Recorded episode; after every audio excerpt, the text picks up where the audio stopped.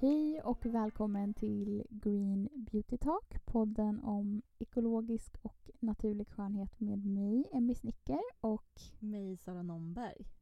hej Sara! Hej Emmy. Idag ska vi faktiskt prata om någonting helt nytt. Eller ja, någonting som vi inte har pratat om tidigare i alla fall i Mm. podden. Och det är ju faktiskt eh, ekologiskt smink. Eller närmare eh, bestämt foundation, CC och BB creams, puder och concealer. Allt det där man kanske behöver för att få till den där eh, perfekta basen. Ja, jätteroligt tycker jag att vi ska prata lite smink för det har vi ju fått också lite frågor kring. Det har vi faktiskt. Och när det kommer till överlag att hitta en bra foundation så är ju det klurigt. Men det kan bli lite extra klurigt när det kommer till just ekologisk foundation eller ekologiskt smink. Mm. För det beter ju sig inte riktigt på samma sätt som de konventionella sminkprodukterna. Nej, nej, jag håller med dig och det är just det där, vi pratade om det lite innan, just det här kring att man kanske då tror att, att ekosmink inte funkar eh, för att man inte hittar riktigt rätt. Eh, och att det kanske är, men det är viktigare att tänka på vissa bitar och vi ska prata lite om det idag också, vad vi har för tips och hur man kan tänka och så. Ja, precis. Ehm, för skillnaden, om man ska dra den lite snabbt, är väl just att ekologiskt smink inte innehåller samma ämnen som, eller liksom ingredienser som konventionell makeup. Helt klart. Och eh, då är vi ju såklart nyfikna på vad är det för ämnen som alltså framförallt liksom skiljer Mm. ekologiskt och eh, konventionellt. Och jag tänker att det kan vara en sån här bra grej att dra igenom så att man ska förstå lite ja, vad, vad skillnaden är och varför de beter sig olika eh, och varför man då väljer att använda sig av naturligt ekologiskt. Mm. Ja men självklart och jag, eh, jag ska dra lite ämnen tänker jag. Jag har ju eh, några ämnen som jag tänker eh, mycket smink innehåller eller som det är vanligt att man hittar i smink och det är väl de vi kommer prata om nu. Mm. Ehm, så om man tänker på ekologiskt smink kontra konventionellt så orsakerna, eller liksom det som skiljer sig om man säger Mm. och kanske varför man då väljer eh, ett ekologiskt eller naturligt smink istället för ett konventionellt. Det skulle jag säga är egentligen kanske samma eh, skäl som för eh, hudvården. Mm. Så vi, vi tänker att vi drar inte igenom liksom samma skäl igen utan om man vill lyssna på det avsnittet, eh, vilket är vårt första avsnitt i Green Beauty Talk, då kan du höra mer kring eh, liksom våra orsaker till varför vi tycker att eh, det är ett bra liksom, val att välja ett ekologiskt eh, smink då i det här fallet.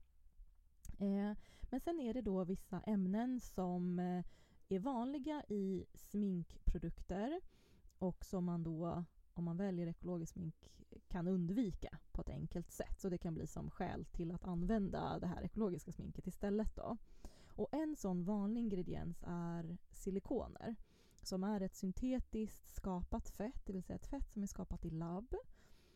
Och det fettet är mm, väldigt smörjande, mjukgörande, lägger sig liksom som en yta, som en bra finish på huden och gör att den känns väldigt liksom mjuk och len och skön. Så. Och eh, tänker man på sminkprodukter så finns den ju oftast rikligt i primers men även då i concealers och eh, flytande foundations och så. Så att du hittar verkligen silikoner och även liksom i andra produkt, pressade puder och allt möjligt. Så att det Mm. finns verkligen rikligt i, i sminket då för att ge den här fettbasen. Och det som eh, man kan säga i fördelarna med det, det är att det är ett fett som inte härsknar och blir dåligt. Eh, eftersom att det finns ingen näring i det om man säger. Eh, och det är ju uppskattat om man tänker utifrån ett hållbarhetsperspektiv att den liksom håller längre. Mm. Men tänker man hållbarhet utifrån ett miljöperspektiv så är silikoner väldigt dåligt för miljön. För det är ämnen som är väldigt svåra för miljön att bryta ner. Mm. Eh, och, och det gör att det klassas som ett så att säga miljöbelastande ämne. Så utifrån ett miljöperspektiv så tycker man ju liksom att silikoner är ett big no-no. Så. Mm. Och därför är det ju, skulle jag säga, en stor anledning till att man liksom undviker det ämnet i naturlig och ekologiskt, både hudvård och smink. Då. Um, sen finns det också vissa silikoner, som, för silikoner är som en grupp ämnen. Liksom. Uh, sen finns det också vissa silikoner som misstänks vara hormonstörande. Um, ingenting som man kanske pratar jättemycket om så, utan man kanske mest pratar om den här miljögrejen. Liksom. Mm. Ja, lite snabbt bara kring Mm. silikoner. Mm. Eh, finns det olika typer? För det känns som att vissa pratar om att, ehm, att vissa liksom silikoner är mycket farligare eller Mm. liksom dåligare. Mm. Eh, framförallt de här cykliska silikonerna. Ja, Men sen att det finns några som är... mer raka kolkedjor. Ja. Ja, så cykliska då är det att de är mer som en, om man tittar i dess kemiska struktur, mer som en ring. Och då är de mer svåråtkomliga, mer svårnedbrytbara. Och man, ja, det finns ju ma- massa studier, eller det finns ju tester på alla möjliga silikoner såklart. Men eh, just de cykliska är svårare. Liksom, och då Mm. skulle man kunna tänka sig att de kan ställa till med mer problem. Så det är ju vissa av de här cykliska silikonerna som man eh, misstänker hormonstörande till exempel. Men det finns också misstankar mot andra saker. Ehm, och eh, vissa kedjor och vissa varumärken väljer att avstå från det av den anledningen. Mm. Men det är ju fortfarande ämnen som är godkända att använda i kosmetika och används ju liksom flitigt av de anledningarna som vi har nämnt tidigare som Mm. de Av positiva. liksom. effekten liksom. Mm. Ja, så att, ehm, men det är eh, återigen det här med då, liksom, om man tänker att en orsak att välja det naturliga ekologiska är att man vill undvika sådana ämnen som kan belasta vår kropp och vår miljö. Så är ju det här verkligen ett sådant ämne Mm. som man liksom bör undvika.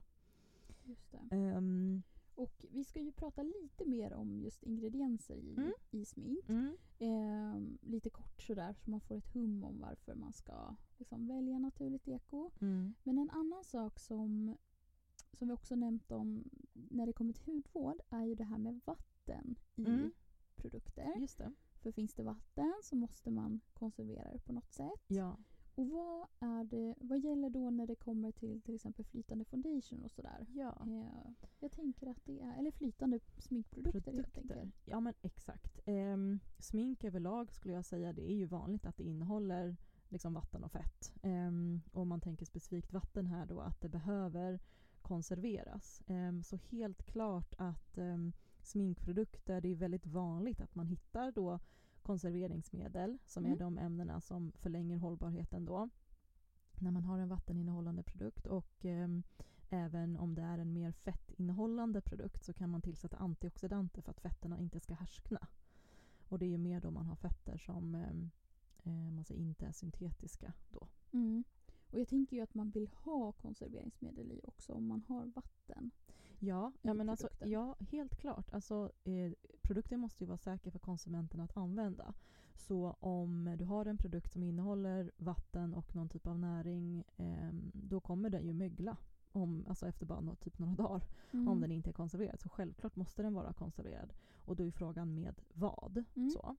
Och sen kan man också tänka på andra saker. Det, eh, man kan ju ha liksom syre som sänker pH, alltså man kan göra en mer ogästvänlig miljö. Man kan ha förpackningar som med liksom airless tajtare, funktioner. liksom. Exakt, där det inte kommer in... inte vad man Nej men absolut, den liksom funktionen att det inte kommer in syre på samma sätt. Och, Mm. då blir det inte lika dåligt. Eh, så så att det, det finns ju andra, man kan ju komma runt det på vissa sätt och, och så. Men grundregeln är ju alltid liksom att om det är vatten så måste det konserveras. Och konserveringsmedel har ju vi också pratat lite om Mm. eh, tidigare. Men, eh, och det är väl kanske ett sånt ämne som är lite på tapeten men eh, både till exempel vanliga såna antioxidanter som typ BOT och POA som är då eh, för att förlänga fettets hållbarhet. Jättevanligt i liksom, konventionella sminkprodukter. Eh, de misstänks vara hormonstörande till exempel. Och så har du eh, till exempel metylisothiazolinon eh, som är ett ehm, liksom allergent eh, konserveringsmedel som också kan finnas. Ehm, och sen så har vi ju ja, återigen parabenerna ehm, där det också finns flera olika sorter varav vissa, vissa misstänks eh, hormonstörande. Och återigen, som jag sa, det här är ämnen som är godkända i hudvård och smink.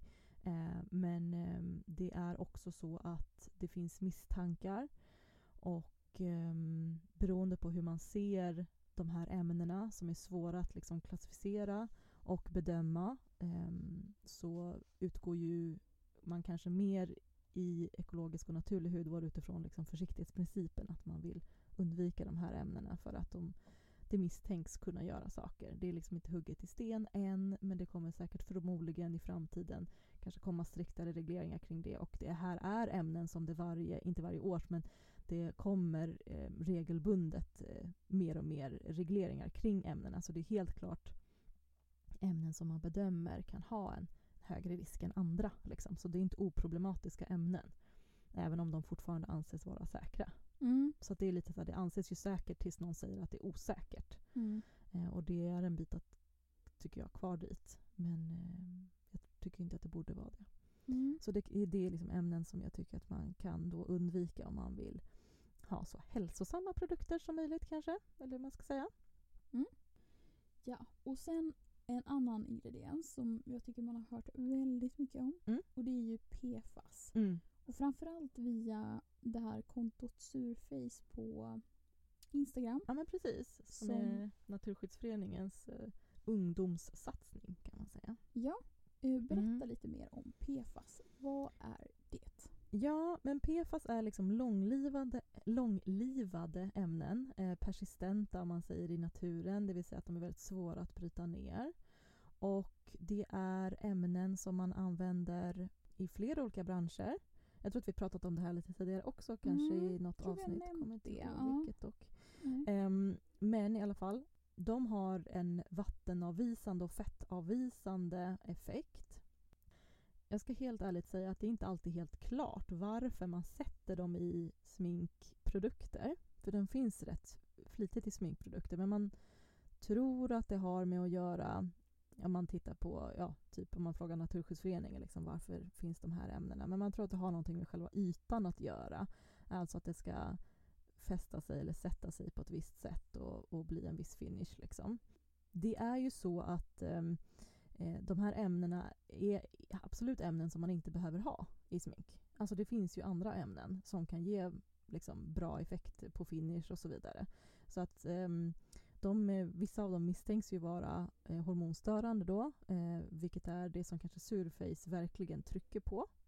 Att var, därför vill man undvika dem. Men också just den här att de är otroligt dåliga för miljön. Det är liksom ett stort problem. Så det tycker jag absolut är. att Gå in på liksom Instagram och Surface-kontot för där hittar man jättebra information om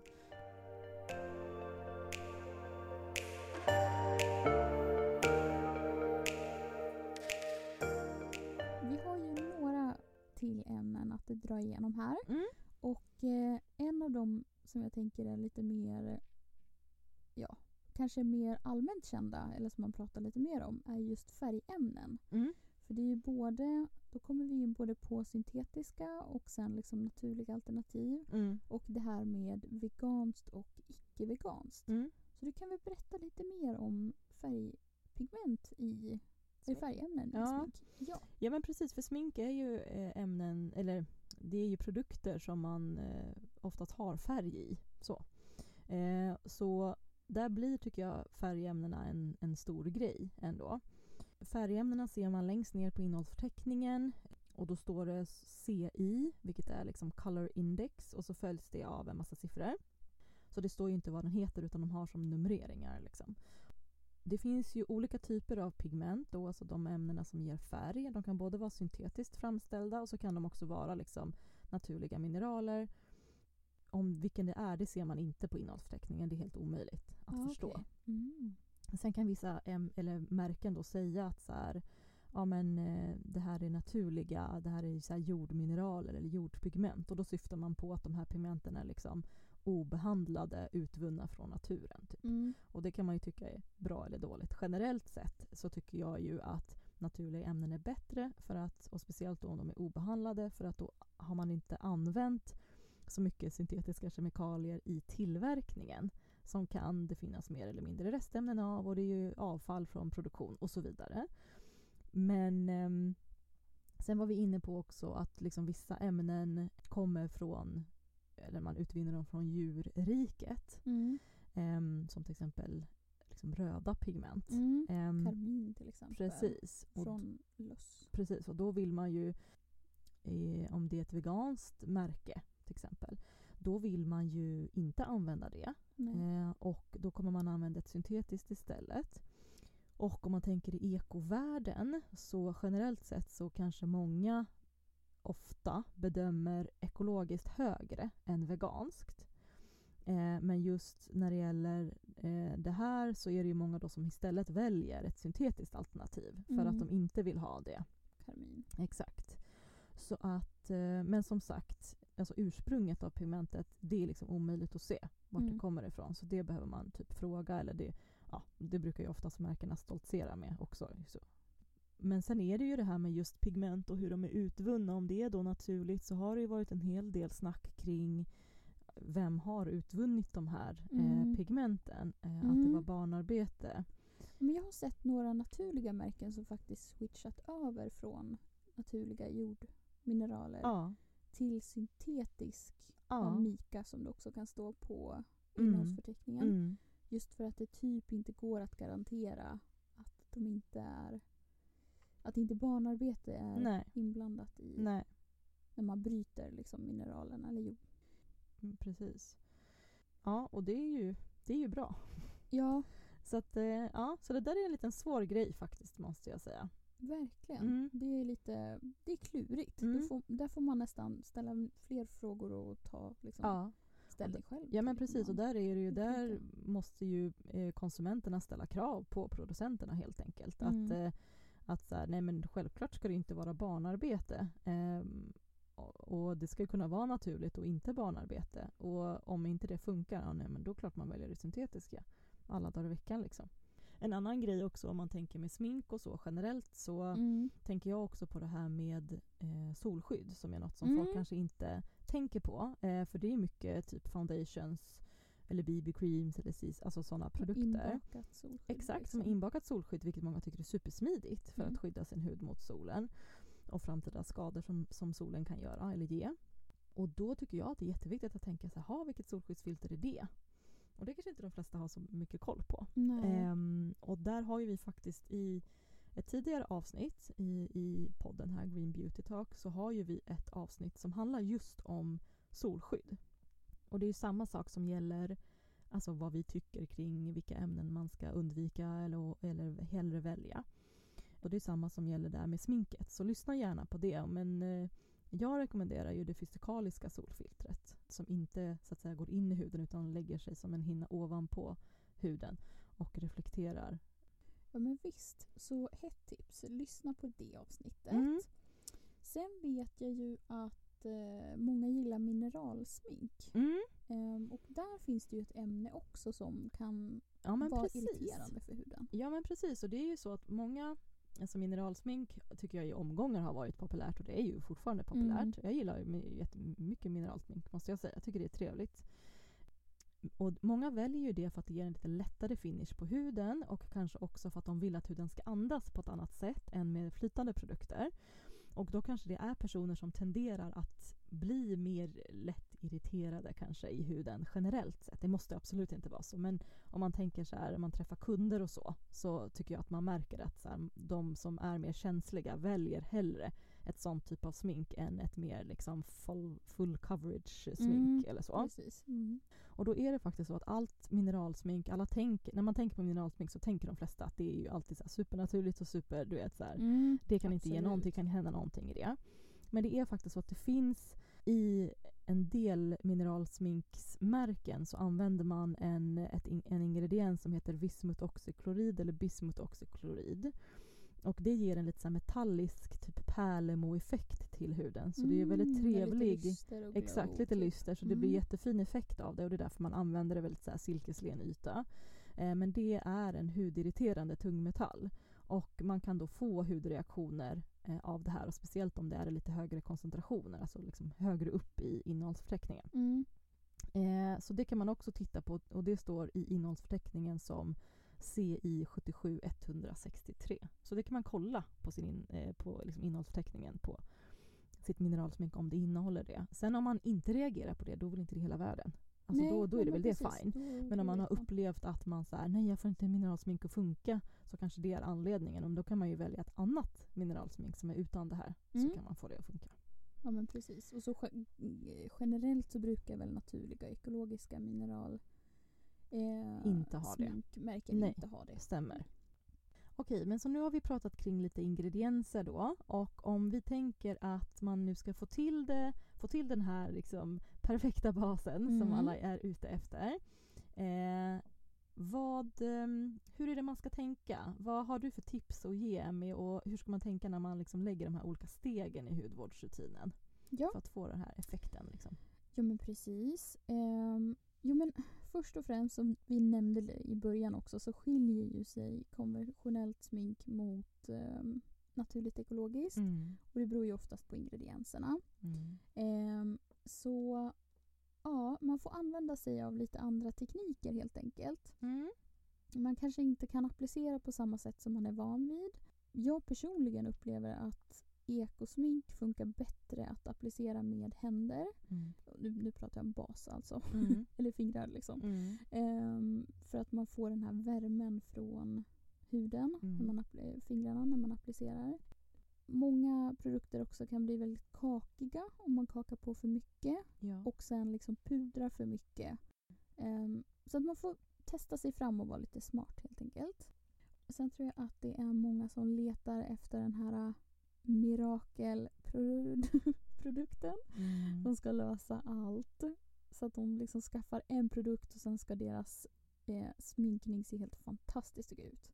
Jag tyvärr är här för att säga att det inte funkar riktigt så. Nej, världen är inte sådär lätt tyvärr. Nej, Det, det det hade ju varit fantastiskt. Så. Nej, ja men verkligen. Jag vet att jag själv till exempel letar efter den perfekta primern hur länge som helst som skulle få min bas att se helt liksom magisk ut. Men eh, spoiler alert, den finns inte. Nej. Så, Du har testat en hel del Ja, precis. Jag har ju det. Du har tyvärr inte hittat någon än i alla fall. Jag förstår. Eh, Men som du nämnde, första steget är ju faktiskt att ha en bra hudvårdsrutin. Mm. Det är ju liksom grunden. När huden mår bra och eh, liksom ja, men ser så bra ut som den kan, är återfuktad och så vidare. Mm. Då kommer ju faktiskt sminket sitta och se mycket bättre ut. Mm. Det är så enkelt. Och där Eh, tänker jag att man upplever ju det verkligen när huden inte ser bra ut. Ja, det är då man förstår eh, vad jobbigt det blir att få till en perfekt bas när det är liksom ojämnheter både kanske i struktur i huden, eh, om du har liksom finnar som liksom lyfter sig från huden, ja men det Mm. är svårt att få dem att inte synas liksom. Eller om man har ja, men mörka ringar eller alltså det är liksom väldigt flagnig hud. Ja, eller flagig hud. Alltså det är ju Mm. omöjligt nästan. Mm. Och där tycker jag att det är lite kul tycker jag för det ser man lite på så Youtube-videos när Mm. att folk börjar så här, de kanske lägger en mask innan eller Mm, alltså så där, det börjar hända lite att verkligen. man så här fokar lite på, exakt. Mm. Ja, jag håller med Så dig. det börjar komma kanske lite mer så fokus på att huden måste faktiskt vara bra innan du börjar makea dig annars är det typ ingen mening liksom. Nej, nej men verkligen. Och där tänker jag att det är bra att ha en hudvårdsrutin liksom generellt som man alltid gör. Mm. Och jag eh, tycker rengöringssteget är superviktigt. Mm. Det behöver inte betyda att du liksom rengör på morgonen eller så. Men att du i alla fall rengör noggrant på kvällen. För man Ja. vill inte ha kvar gamla sminkrester eller liksom Nej. Annat smuts där. För att det kommer ju bara leda till mer liksom, finnar Ja, Eh, helt klart. i förlängningen. Och sen ett fuktsteg vill man ju ha och sen ett återfukte, återfettande steg Mm. någonstans i rutinen. Mm. Och jag skulle också vilja lägga till att man använder exfoliering någon Mm. gång. Inte dagligen men liksom där man vill och hur man känner för det. Mm. Och sen en ansiktsmask. Ja. Det gör ju liksom skillnad på själva strukturen på. Huden. huden. Ja men helt klart. Och eh, du som är lite hudvårdsexpert expert, Sara, vad skulle du vilja tillägga? Ja, men jag tänker så här att det är superviktigt att man anpassar, alltså när man tänker smink eh, och hur man preppar huden inför sminket. Så tänk verkligen på vad du har för hudtyp och Mm. hur du kan liksom optimera din hudvårdsrutin innan sminket och så att den också ska passa med ditt smink. Mm, Så att du inte har en precis. kräm som missmatchar med din primer eller foundation som de typ skär sig. Att ha bra, alltså så verkligen fokus fukt, Mm. tycker jag. Fukt är så viktigt innan du ska sminka dig. Och steg nummer två då, Mm. som vi ska prata om, det är ju primer. Och jag vet inte, jag tycker primer är lite så här omtvistat. Vissa Ja. älskar det verkligen och andra liksom förstår inte poängen med det. Nej. Eh, men eh, ja, så jag tycker egentligen att en, en återfuktad liksom insmord hud kommer man väldigt långt med. Mm. Ehm, och oftast räcker det också. Men om man vill jobba med primer så kanske på ett specifikt område eller liksom för sin hudtyp eh, så finns det ju både liksom återfuktande primers och så finns det färgkorrigerande primers om man Mm. har liksom ojämn hudton Mm. och eh, nermattande primers. Mm. Så det finns ju liksom jobbar på alla möjliga Ja. sätt ja men i verkligen. huden. Och en primers funktion är ju liksom att förbereda huden för smink ehm, och att få sminket att sitta längre. Mm. Typ. Och jag håller faktiskt, om jag flikar in Mm. någonting där, jag tycker att eh, om man hittar en primer som funkar för dig och din hudtyp och så vidare och sminket som kommer efteråt att, att den faktiskt är väldigt bra på att förlänga hållbarheten. Alltså hur, alltså det blir lite mer long lasting effekt Mm. tycker jag. Mm. Om jag vill sminka mig och vill att det verkligen ska sitta bra då brukar jag faktiskt använda en primer. Mm. Det tycker jag faktiskt ger bättre effekt. För då tycker jag, eller jag upplever det som att då kanske huden efter ett tag äter lite mer av primern istället för foundationen. Ja men Typ, precis. Lite det, så, det den är den som effekten. försvinner först liksom och Ja. sen kommer sminket efter liksom. Ja. Beroende på lång tid. Precis, och det ligger någonting däremellan på något sätt. Som, Ja men verkligen. Eh, om jag ska rekommendera några som jag har testat och tycker är bra Mm. så skulle jag eh, rekommendera Color Caramels. Eh, De har liksom en smoothing velvet primer. Mhm. Och den blir, jag vet inte vad de har i den, men den blir väldigt... Eh, ehm, huden känns som sammet. Oj. Alltså att den blir liksom Mm. lite nermattad och, men ändå inte torr. Nej. Så att jag tror att det är en blandhy, gillar den. Mm. Ehm, och lite samma effekt får man av Corento, eh, ett finskt ehm, sminkmärke som Mm. också finns i Sverige. De har en eh, primer som heter Soft Velvet Primer. Den är lite mer återfuktande och liksom flytande men samma effekt. Mhm. Och sen har ju Use Beauty en fantastiskt eh, lystergivande Illuminating Primer som är så här, eh, perfekt för den som vill ha supermycket glow under. Ja, ja. Eh, och sen, just det, färgkorrigerande så har Sui Organic en som, eh, ja de har flera stycken färg, med Mm. liksom färgpigment i. Så du kan jobba mot typ rödhet om du kanske har rosacea eller Ja. ehm, så har de en eh, apricot och den är ju liksom mer för ja, men dig som kanske har pigmentfläckar eller liksom vill. Mm. Täcka mörk. Mörkare fläckar. Ja. Mm.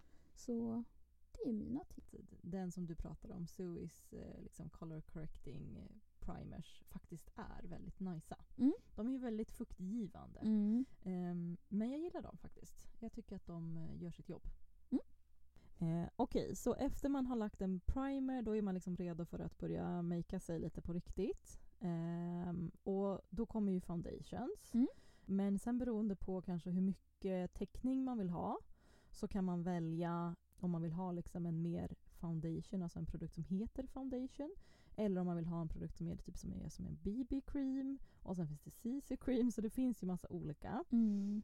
Och där handlar det mer då som sagt om vilken täckningsgrad man vill ha. Och under typ foundation så kan man ju få liksom en medium coverage och Mm. full coverage och light. Alltså du har ju verkligen alla. Eh, så där handlar det verkligen om vad man, vad man gillar då. Och, men de ska ju liksom jämna ut hudtonen och ge någon slags täckning då. eh, Den grad som man vill. Mm. Ja men helt klart. Ja, och vad, ehm, vad har du för eh, favoriter på foundations? Ja, jag skulle faktiskt säga att jag använder foundation mer till typ festliga tillfällen nu för tiden i Mhm. livet. Och har, har liksom hookat på det här CC Cream-tåget på vardagen. Mm. Jag tycker det är nice Mhm. med en lite lättare bas. Mm. Men när det kommer till foundations då, då så har jag ju min favorit från Gressa som heter Serum Foundation. Just det. Och det är den som du skakar innan Ja, va? precis. Mm. Det är liksom en blandning av oljor och mineralpigment och lite Mm. annat som man liksom... Mm. Det kommer här droppflaska. Men den gillar jag verkligen. Tyvärr jättesvår att få tag på men Mhm. Ehm, så sen gillar jag Sui Organics um, Lux Foundation och fava- eh, varianten som heter Flawless. Just det. Den passar liksom oljig eh, kombinationshud. Mm. Eh, den gillar jag jättemycket. Och sen har de en annan variant som passar mer torr hud. Just Så då, då kan man liksom kolla på det. Care Wise tycker jag har en bra foundation. Madaras flytande foundation är bra. Eller gillar jag verkligen jättemycket. Mm. Och sen så har vi i Ilia också en foundation. Mm. Tyvärr har jag för mig att den innehåller silikoner. Mhm. Så det är ganska intressant att det är ett liksom, märke som säger att de är naturliga eko. Mhm. Men jag har för mig Ja, att det, det är är silikoner i faktiskt. Ja, foundationen. just det. Okej. Jaha. Mm. Du då. Sara? Jo, men ehm, jag eh, tycker eh, att eh, Sui har ju en eh, lite, man säger äldre variant. Den är ju, har nog ganska många år på nacken, den eh, varianten. Deras liksom liquid foundation. Den ehm, eh, passar kanske inte riktigt alla, men jag upplever att om man applicerar den med fi- fingrarna ehm, och med en ansiktsolja under, tycker jag typ är ett måste. Mm. Eh, då tycker jag faktiskt att den funkar väldigt bra. Jag är väldigt nöjd med den. Den ger inte jättemycket täckning. Det, alltså man kan ju bygga upp täckningen men ehm, den är liksom lite svårare att bygga på. Mm. Eh, men jag gillar när det är ganska lätt till liksom medium täckning och då Mm. tycker jag den funkar jättebra. Sen gör jag faktiskt, eh, den senaste tiden har jag faktiskt gjort en egen typ, kanske lite mer som en BB-cream egentligen. Så då är det typ som ett balm där jag har lagt pigment i. Så det är kandelillavax och lite olika oljor. Ehm, och sen så har jag köpt så här pigment från Organic Maker så jag tycker den vart faktiskt supernice. Eh, dock inte så long lasting då för det finns typ ingenting i den som skulle göra en long lasting. Så jag försöker, jag håller på att labba lite och försöker få den lite mer hållbar under dagen. Ja. så att den inte typ bara äts upp som en liksom, hudvårdsprodukt. Nej. Eh, men ehm, så det är väl det. Ja, jag tänker att vi hoppar över till det du nämnde lite grann. BB Mm, creams. mm.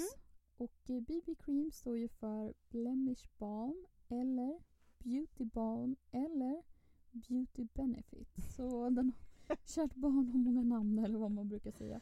Ehm, så det är ju mer som en tonad dagkräm, så lite lägre täckning alltså. Mm. Och är lite mer allt i ett. Så du hittar, den ska liksom vara en dagkräm, primer och liksom foundation i ett. Just, Ibland innehåller de ju även solskydd. just det. Ehm, och det är liksom för dig som vill ha en lättare bas och skippa steg helt enkelt Mm. i rutinen. Mm. Ehm, jag använder ju faktiskt inte så mycket BB-creams. Men Nej. spontant så tänker jag att man ändå vill grunda med fukt innan. Ja, nej men jag har inte testat så många BB-creams men och det finns säkert vissa som är kanske lite mer fuktgivande. Och då kanske man inte måste det men jag tror absolut att man behöver nog preppa med någon typ av hudvårdsprodukt innan. Och CC Cream, det är ju, står då för Color Correct eller Color Control. Så den är mer täckande än BB Cream men den fokuserar lite mer på att jämna ut eh, liksom rodnader, pigmentfläckar och en ojämn hudton eh, i ansiktet. Just det. Eh, och det är också en fuktkräm, primer, eh, foundation och liksom korrigering i ett kan man säga. Och ibland också solskydd Mm. innehåller de. Mm. Eh, och det är ju lite mer min grej. Mm. Eh, det brukar jag använda till vardags. Mm. Ehm, jag brukar och grunda med fukt ändå, även fast det liksom sägs att det ska vara som en fuktkräm. Så då gillar jag en från Madara, Madara CC Cream.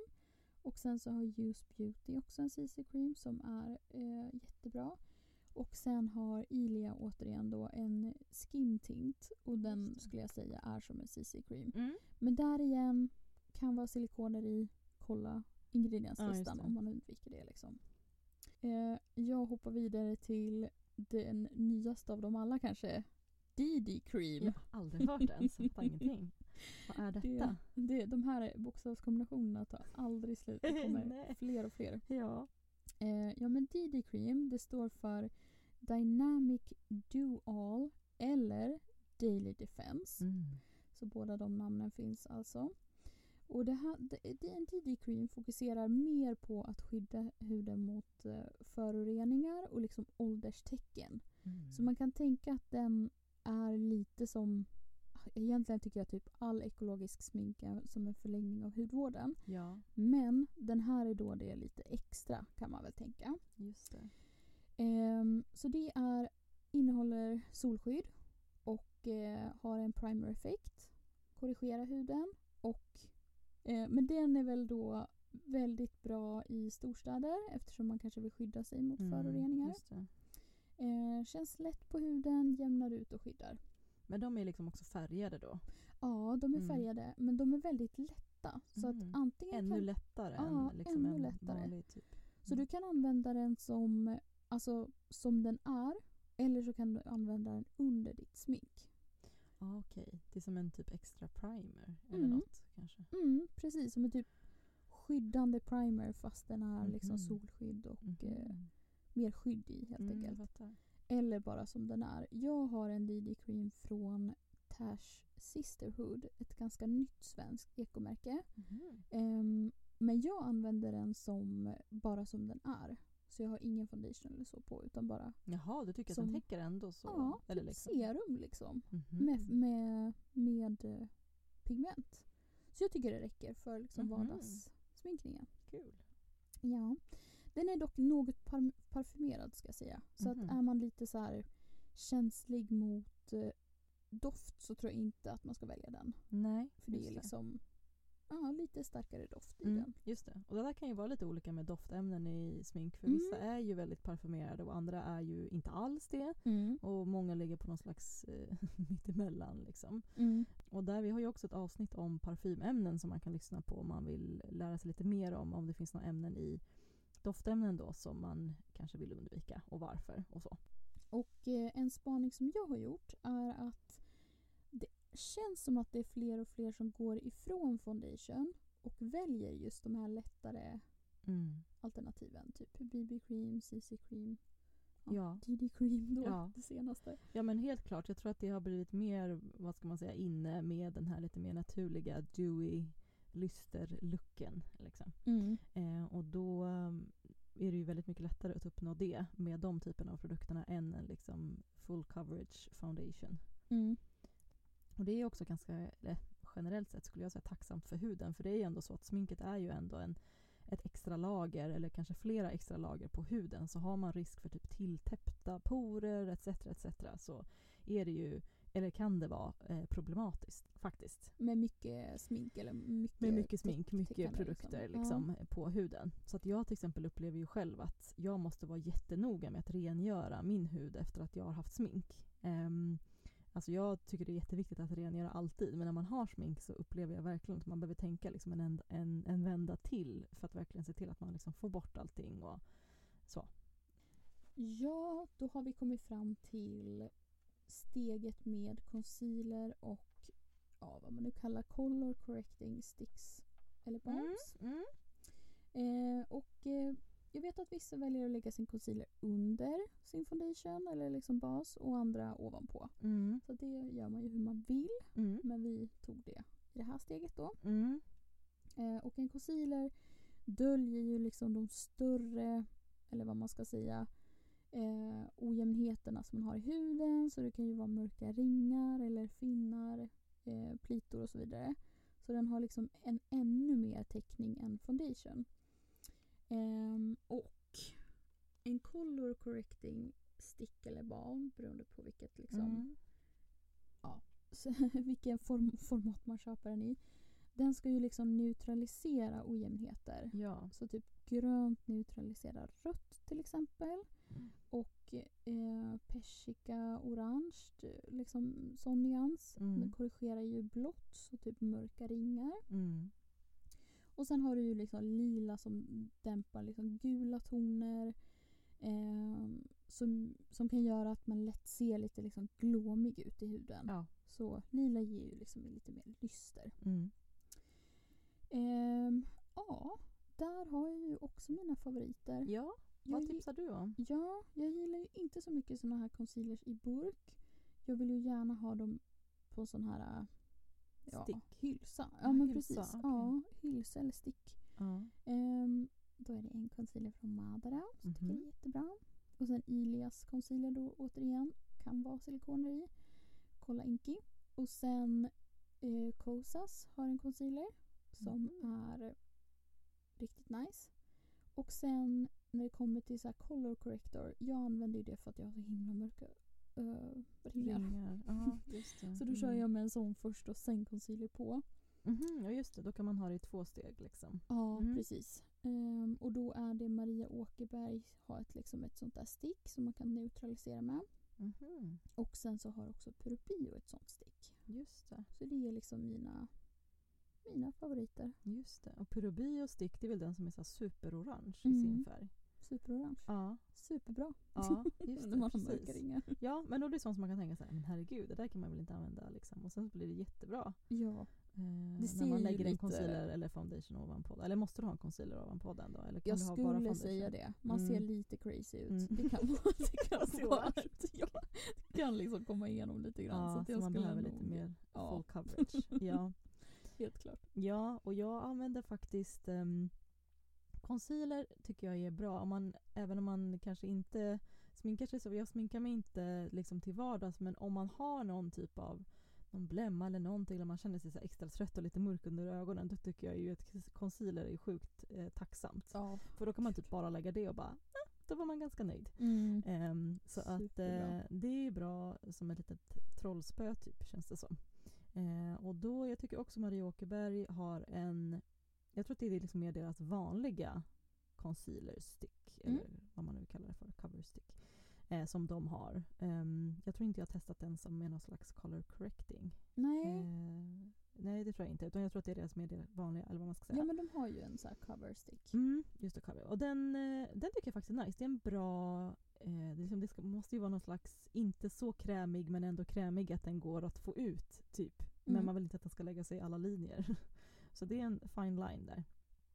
Eh, sen har jag testat en sån här kräm, eller en sån här burk eh, concealer från Hynt också. Men jag håller med dig där. Med, alltså det, är inte, det känns inte superfräscht. ehm, och liksom det här med double dipping försöker jag hå- hålla mig ifrån. Mm. Vad är det? Double ja, men det är typ Mm. att man inte ska alltså, doppa ner fingret flera gånger. Om den har varit på huden så ska den inte ner i burken igen. Så Aha, du måste så alltid typ- vara ren. Ja. Och det är man ju inte när man är mitt uppe i sin sminkning. Då måste Nej. jag liksom först plocka upp det, lägga det på handen och sen doppar man sig där i. Mm. Så det, för mig gör ju det lite, det blir lite omständigt. Mm. Men det gör ju jag liksom av, man ska säga hygienskäl. För jag Mm. tycker inte det är fräscht Nej. att dubbeldoppa då. Ja.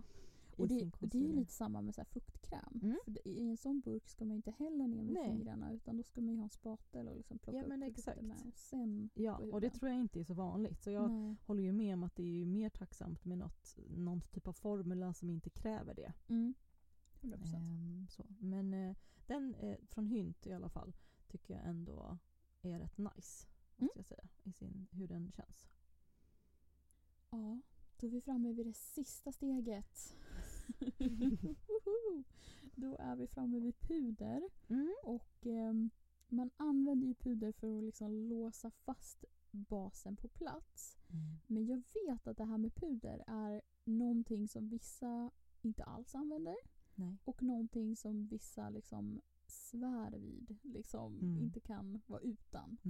Ehm, och eh, ja, det finns lite olika sätt att applicera med. Du kan ju Mm. applicera med svamp. Du kan applicera med liksom borste. Mm. Ehm, ja, Ja, det finns ju sån här puder liksom eh, puff. puff, ja precis. Mm. Som är också ganska vanliga. Eh, tycker jag känns typ sjukt ohygieniskt. Mm. Alltså jag får typ, jag blir rädd när jag ser dem där nästan känner jag. Nej men på riktigt för att det blir ju, alltså du lägger ju den rakt på sminket så det är massa fett och massa du vet, alltså Olika vatten. Och liksom. sen lägger du den ner i pudret, alltså typ direkt på den liksom grejen. Så det blir ofta så här, alltså man kan nästan se som så här inte hudavlagringar på sminket. Men alltså, Nej, men typ ska man kolla på den typ. i, i mikroskop, alltså hjälp. Säger jag bara. alltså verkligen hjälp. Och den tvättar ju typ inte folk. En borste Nej. kanske ändå folk tvättar. För att man tänker att den ska tvättas men en sån där puff, hur, hur tvättar du typ ens den? Mm. Kanske i tvättmaskin, jag vet inte. Men alltså, Mm. nej men jätteäckligt. Mm. Att det är. Det var en bra take på det här. Vi kanske borde ha lite så här hygien. och- Ja men alltså, och de, där borde man ju typ ha jättemånga. Så att Mm. man kan liksom typ låta dem torka ordentligt, ha säkert lång tid emellan om man nu ens ska tvätta dem. Mm. tror inte ens folk tvättar dem. Nej. Och så vidare. Mm. Nej det Ja. där tycker jag inte om. Bra Eh, input. Ja. men, ehm, men annars generellt sett det här med sminkborstar, är ju, eller borstar, är ju Mm. verkligen en superstor grej. För att det kan ju verkligen 100%. göra så stor skillnad för hur ens hud mår. Alltså du kan ju få utbrott för att, alltså i huden för att det är, ehm, du har så mycket skit i din Ja. borste. Och när man säger när tvättade du dina borstar senast? Folk bara eh, Ja. jag vet inte, har jag någonsin Åh, gjort det? Typ. Det var väl när jag köpte den som ny som den var ren. Alltså Mm. hjälp, å- återigen. Ja men verkligen. Det är ju en sån här, äh, alltså för att hålla huden i schack så Ja. rena borstar är ju A och O. Ja. Och jag har verkligen testat det där. Omedvetet kan jag ju säga. För att jag kommer ihåg i början när jag började sminka mig och hade borstar och grejer. Så gör jag alltid liksom så här bronzer och contour på samma ställe. Mm. Jag tror inte jag tvättade mina borstar särskilt ofta om ens Nej, alls. Typ. Eh, och så började jag få finnar precis där var liksom contour och det. ligger. Och sen fattade jag så ah det är ju för att jag har aslortiga borstar som jag liksom drar fram och tillbaka där. Ja, Usch. och bara gosar in det. Ja, nej fy. Men tvättar man dem regelbundet så är det ingen Ja, fara. Liksom. nej men verkligen. Mm. Så att där, och jag brukar ändå säga så här som tips, så här, tänk på att tvätta dem en gång i veckan i alla fall. Mm, Alltså det kan typ folk regel. tycka är mycket, men egentligen är det inte mycket. Alltså egentligen typ om de flytande produkt borde du tvätta den efter varje gång. Mm. Och det, ja, det man kanske är kanske mycket inte. begärt. Ja. men, eh, men en gång i veckan, det tycker jag, hörni, det får ni se till att göra. Ja. För er huds bästa, det är inte för min skull. Det är för er skull. Helt klart. Ehm, men ja, Men tips, vad har du för tips på puder? Precis. Nej men du har ju riksbästa tipset. Jag har ju, ja, till och med du tycker att Ja. det här är liksom det bästa som hänt. Ja, så jag verkligen. måste ju dra det här. Ja. Och det är ju, jag har testat en hel del puder men jag återkommer alltid till RMS löspuder. Mm. Och jag är inte ens ett löspuderfan men jag tycker att det pudret är magiskt på huden. Ja, med. Och det man gör är att man eh, då köper en, ett puder. De har lite olika nyanser. De har en här transparent som är helt Jaha, vit typ. Mhm. Ja. Och sen har de lite olika sen på mörkhetsskalan. Liksom, Jaha, jag tog en transparent ja. Ja. Mhm. Ehm, och så, så liksom tar du ut lite puder och sen tar du en sminksvamp. Som du En antingen beauty kan- blender. Ja, en beauty blender. Som du antingen har liksom torr eller så blöter du ner den med vatten och Mm. kramar ur. Mm. Och så doppar du den i liksom pudret och sen eh, har du på den i ansiktet. Dutta på det. Ja, liksom. dutta på det och då sitter pudret verkligen på plats Ja. och håller huden matt. Men vi snackar inte så här 90-tals matt, matt, Nej. kakmatt. Utan det blir bara som en liksom så här Det är så lent. det är lent, Ja. sminket sitter på plats hela dagen. Ehm, ja men det ser bara bra ut. ja, det ser så liksom. bra ut. Ja. Ehm, och vi, vi liksom, ja jag vet inte, jag, jag älskar den. ja, jag älskar den också. Vi båda har ju blandhy. Ja, Kanske det är en blandhy-grej, jag vet inte. ja det kan det ju vara. Men Mm. alltså den är, den är så bra. Och, men om man, ser inte, för det jag kan uppleva att man kan lätt se pudrig ut. Mm. Och det vill inte jag. För jag Nej. vill verkligen ha ett glow och en lyster och jag vill liksom inte att det ska se sådär matt ut. Nej, Men den här liksom, så jag har inte, jag använder typ aldrig puder av den anledningen. nej. Men då heller kan det ju vara så att alltså, sminket inte sitter lika bra. Mm. Så den här gjorde ju verkligen Stor Ja, skillnad. ja det var bra. Mycket bra. Mycket bra tips. Jag var så nöjd när jag hade testat det från dig. Ja, vad härligt. Ehm, men det är mitt tips i alla fall. Så att man liksom duttar på den vad man vill ha den som mest. Och sen kan man ta en borste och liksom borsta ut det lite grann löst Mm. på. Så att man inte har liksom råkat pluttar av Nej. puder. Och då sitter basen som en sten. Jo men verkligen. Ja. Nej men alltså vi hade ju en photoshoot typ Ja. en hel dag i typ sjukaste värmen ute på sommaren. Ja. Och när man Vårt kom hem såg så var det ju helt, alltså det var som om du hade nyss makeat dig. ja. Det hände ju inte. Nej. Nej den är bra. Den är faktiskt mitt, mitt bästa tips Mm. i alla fall. Mm. Vad har du för tips Sara? Eller har du några andra? Eh, nej men återigen, den tycker jag är jättebra. Mm. Eh, sen annars tycker jag att eh, Sui har någon, eh, jag tror de kallar den powder foundation. Mm. Jag tycker den Mm. är, den är helt okej om man gillar alltså, den här lite mer matta looken. Mm. Eh, så tycker jag ändå att de har så här, lite nice färger, en del liksom, eh, alltså flera olika så. Och att de ändå ser ehm, bra ut på huden. Mm. Så den kan jag absolut tipsa om. Tycker den är fin och bra så läkande eh, för huden. Mm, men sen annars som sista steg så är det ju riktigt nice att spraya huden med lite ansiktsmist eller ansiktsvatten Ja. efteråt. Det är så härligt efter pudret Ja, eller liksom efter Det gör att jag man är klar. alltid. Mm. Har, du, har du något tips på mist där då? Eller vad, vad gör det för huden och vad, vad händer? Liksom, Alltså jag tänker att ehm, den ger ju kanske lite fukt till huden. Alltså jag tänker så här, den, eh, den gör typ att det ehm, blir lite mer återfuktat och att den här typ att det inte ser lika sminkat ut. det? Mm. Tycker jag. Att Mm. man liksom tar ner den en, en liten bit på något sätt. Ja, det blir Så det som blir att bara- allt blir mer blandat. Ja, liksom det så här sätter sig på något sätt. Jag vet ja. inte. Mm. Jättenice tycker jag att det blir. Och så känns det väldigt skönt. Ja. Så lite svalkande, lite nice doft. Så Nej, tycker jag sminket sitter lite bättre Sminket också. sitter bättre Mm. också. Det blir så låst liksom. Sen vissa alltså vet ju att det finns lite mer så makeup-märken eller så som har en mer speciell och då kanske de har, jag vet inte faktiskt vad de har för ingredienser som gör att det skulle vara ännu bättre. Det har jag Mm. faktiskt ingen koll på. Kanske lite mer fuktgrejer kanske, eller jag vet inte. Ja, jag har inte heller forskat i det där men jag brukar liksom blanda. Ibland har jag så här ansiktsmister, Mm. alltså som liksom ansiktsvatten bara, Ja. sprayar över.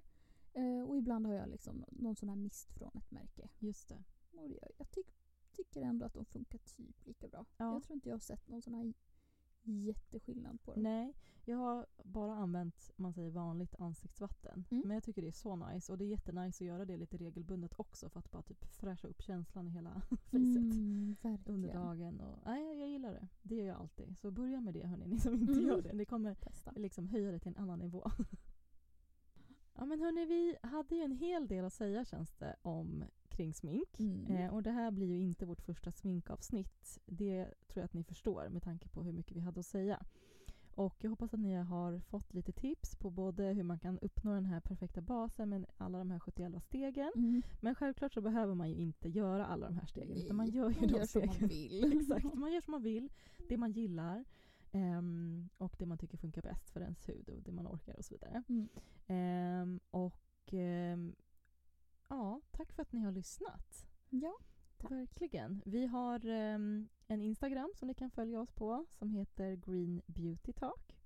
Och eh, man kan följa mig på Sara Nomberg och även mitt företagskonto Organics by Sara. Och vart följer man dig, Ami? Mig följer man på Instagram.